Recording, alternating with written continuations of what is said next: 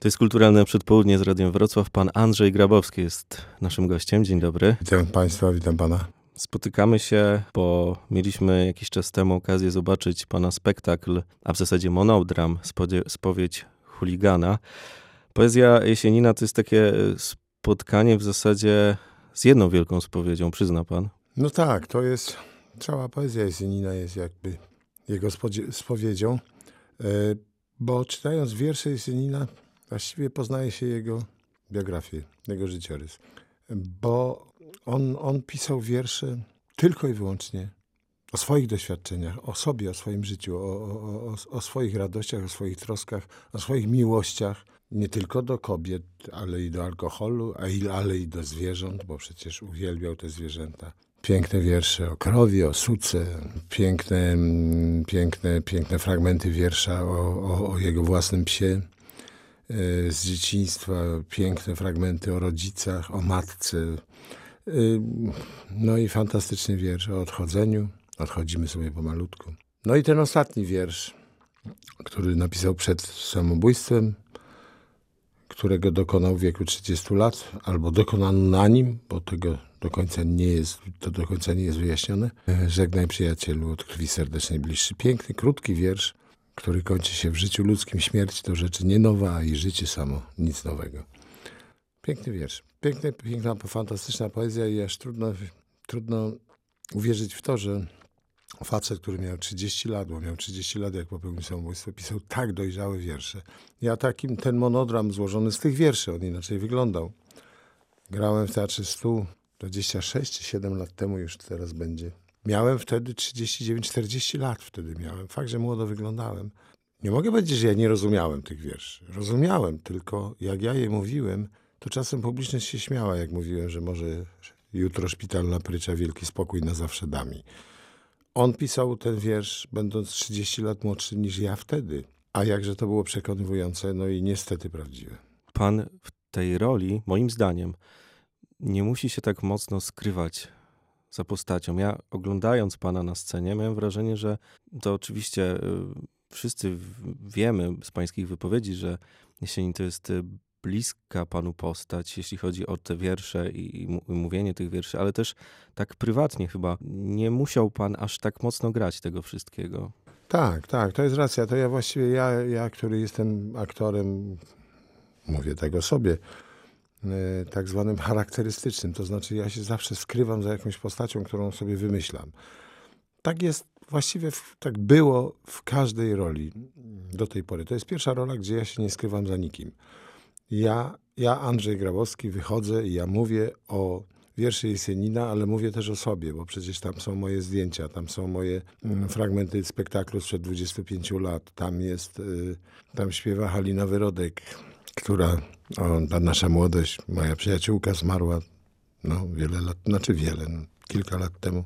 To jest tyleż o Jesieninie i o poezji Jesienina i tyleż poezji Jesienina, co moich własnych również przemyśleń, przeżyć. Ja nie chcę powiedzieć, że ja się utożsamiam z, utożsamiam z Jesieninem, ja nie chcę powiedzieć, że ja wypiłem tyle wódki, co wypił w życiu Jesienin, mimo że mam ponad dwa razy więcej niż on.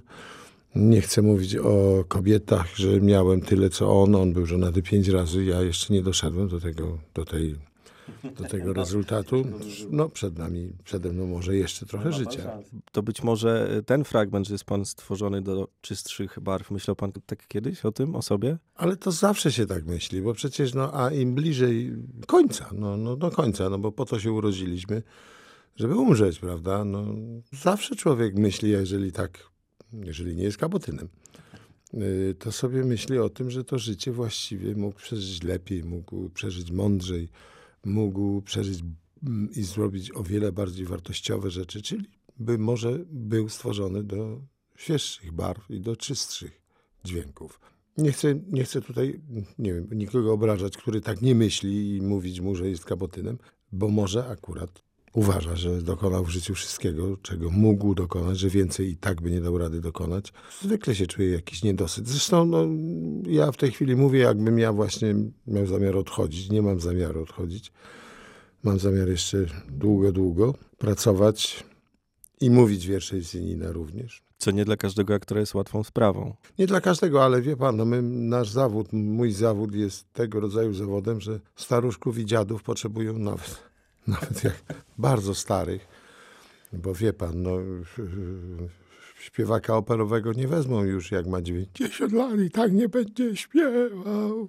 No a aktora, który właśnie potrzebując starucha, no to wezmą, no bo mają gotowego, prawda?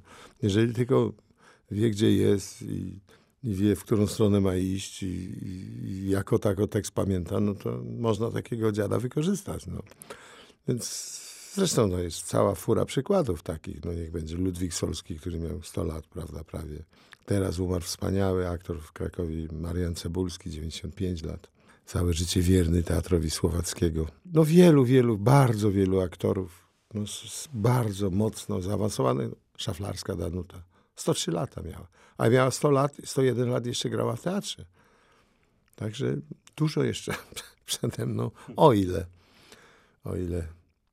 No o ile. Pan mówi, że monodram to jest patologiczna forma. Tak się kiedyś wyraziłem, że to jest patologiczna forma, no bo teatr jest, y, teatr jest formą przede wszystkim dialogu, a tutaj ten dialogu pomiędzy aktorami, a tutaj ten dialog odbywa się tylko pomiędzy, ten, ten dialog odbywa się pomiędzy aktorem a milczącą publicznością. Czy pan momentami jakieś skrępowanie? Tutaj ta publiczność, zresztą zwykle publiczność przy spowiedzi chuligana jak gram, ona milczy. Tam ludzie boją się nawet zakaszlać. Tłumią kaszel. Cisza absolutna, słychać jak kartki inspicjentka przewraca za kulisami. No ale ta cisza jest właśnie fantastycznym dialogiem ze mną, bo jeżeli by tej ciszy nie było, znaczy, że publiczność dialoguje między sobą. A to jest najgorsze, jak zaczyna rozmawiać, czyli się nudzi, czyli ma gdzieś to, co widzi na scenie, a jeżeli jest aż tak skupiona, i aż tak cicho. No wiem, może to jest wyraz szacunku dla mojej starości, albo, ale mam nadzieję, że może jeszcze nie, no może jeszcze nie w tym roku. Na ten monodram, ale też na e, spektakle, w których zdarza się panu grać, przychodzą ludzie młodzi. Jak sobie pomyślałem, że pan trochę może nieświadomie, a może i świadomie, to zaraz się okaże, bierze udział w takiej trochę misyjności, bo, bo przez tą gębę przysłowiową, jaką panu dała telewizja i te charakterystyczne role, przyciąga pan tych, którzy w życiu by po poezję nie sięgnęli. Wie pan co, ja z Jesieninem za pan brat zacząłem być, jak miałem lat 17. Czyli byłem bardzo młody. I też się zakochałem w poezji Jesienina, więc ja byłem bardzo młodym człowiekiem i pokochałem tę poezję. I tę poezję, i ta poezja idzie ze mną przez całe moje życie. Więc pomyślałem i bardzo się cieszę, że przychodzą młodzi ludzie. Bardzo się cieszę.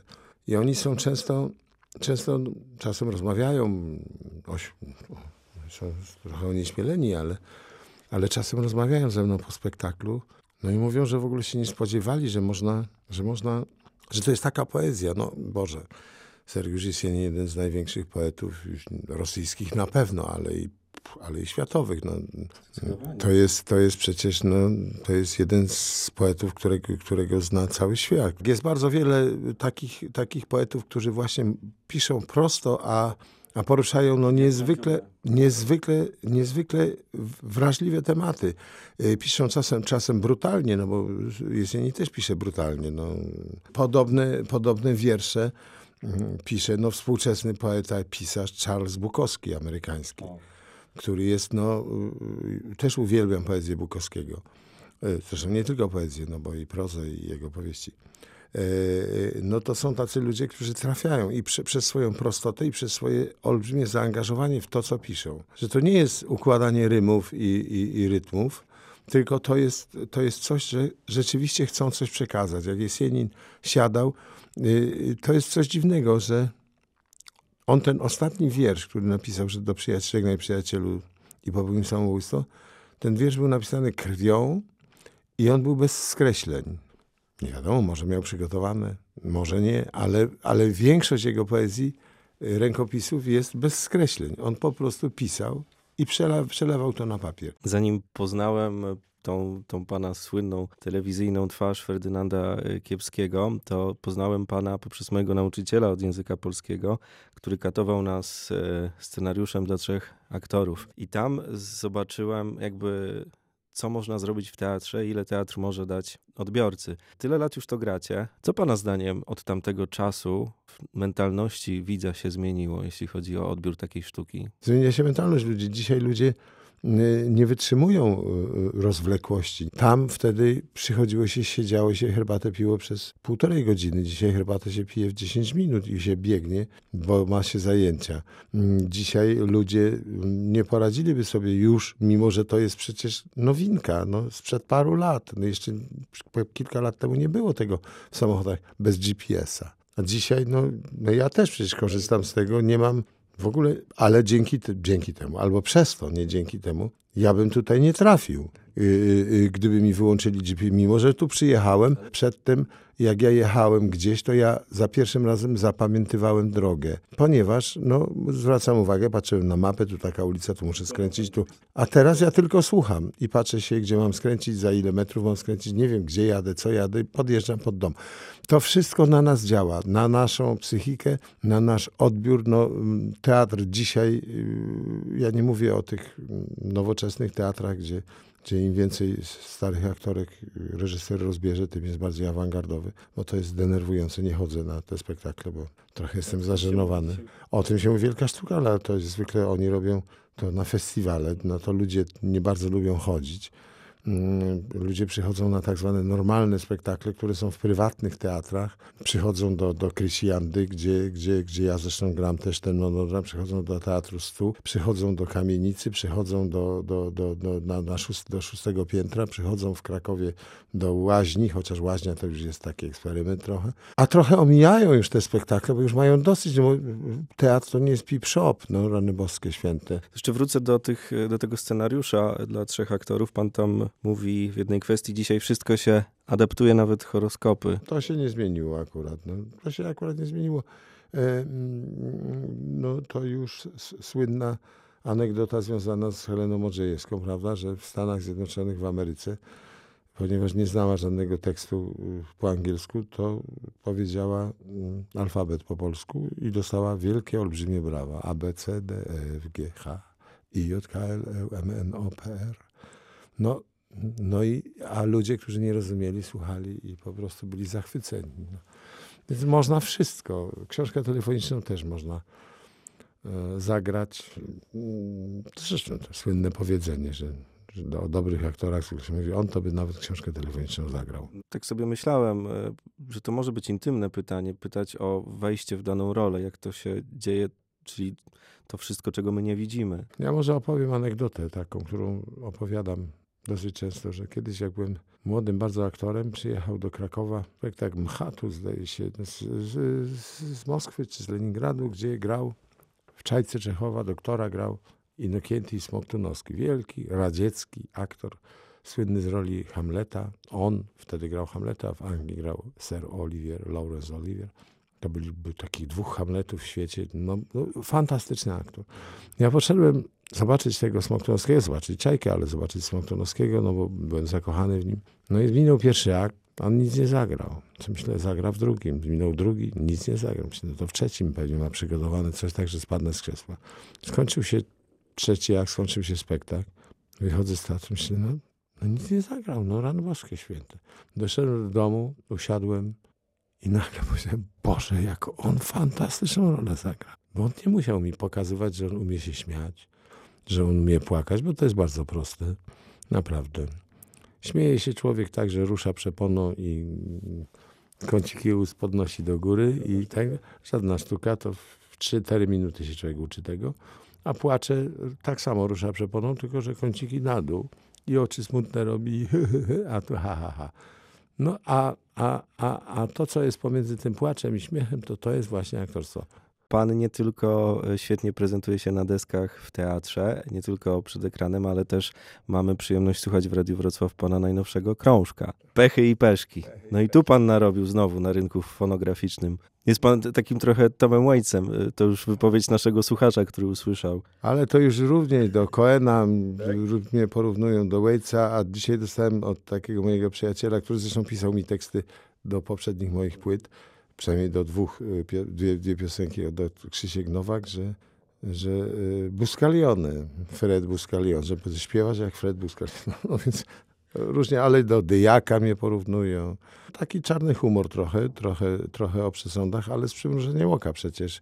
I mam nadzieję, że, że wielu ludzi, jeżeli wysłucha tę płytę i rzeczywiście ją podejdzie do tego ze zrozumieniem, no to może się i pozbyć tych przesądów, bo bardzo mi się to podoba, że, że, że, że, że w tekście o tym, o tym, że jak czarny kot przechodzi ten, to że takie samo nieszczęście spotyka czarnego kota, który, który biały człowiek mu przejdzie drogę. No.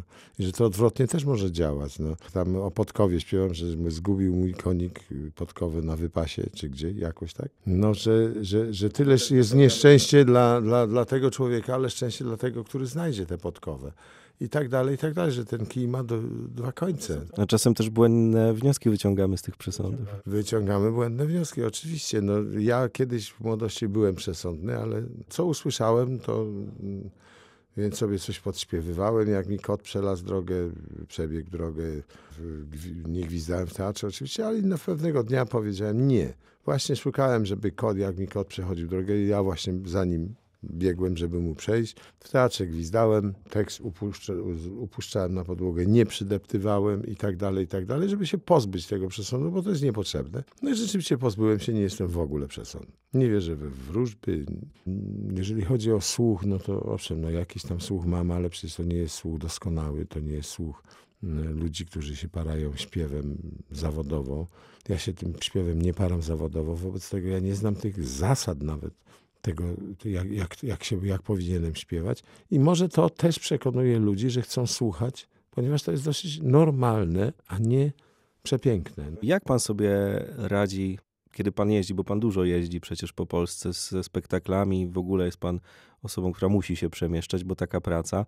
Jak pan na przykład gdzieś staje na stacji benzynowej i pana ciągle Jestem pewny, że ciągle zaczepiają. Tak, no wie pan, no to czasem jest, w większości jest to dla mnie nie wiem, może dla innych byłoby miłe, bo ta rozpoznawalność wcale nie jest, to, to, to, to nie jest wielkie szczęście być rozpoznawalnym. Jak się człowiek wchodzi i połowa ludzi się tak patrzy i patrzy, gdzie idę, i to do toalety idzie, aha. O, ciekawe po co. Jak długo tam będzie? O, wyszedł już.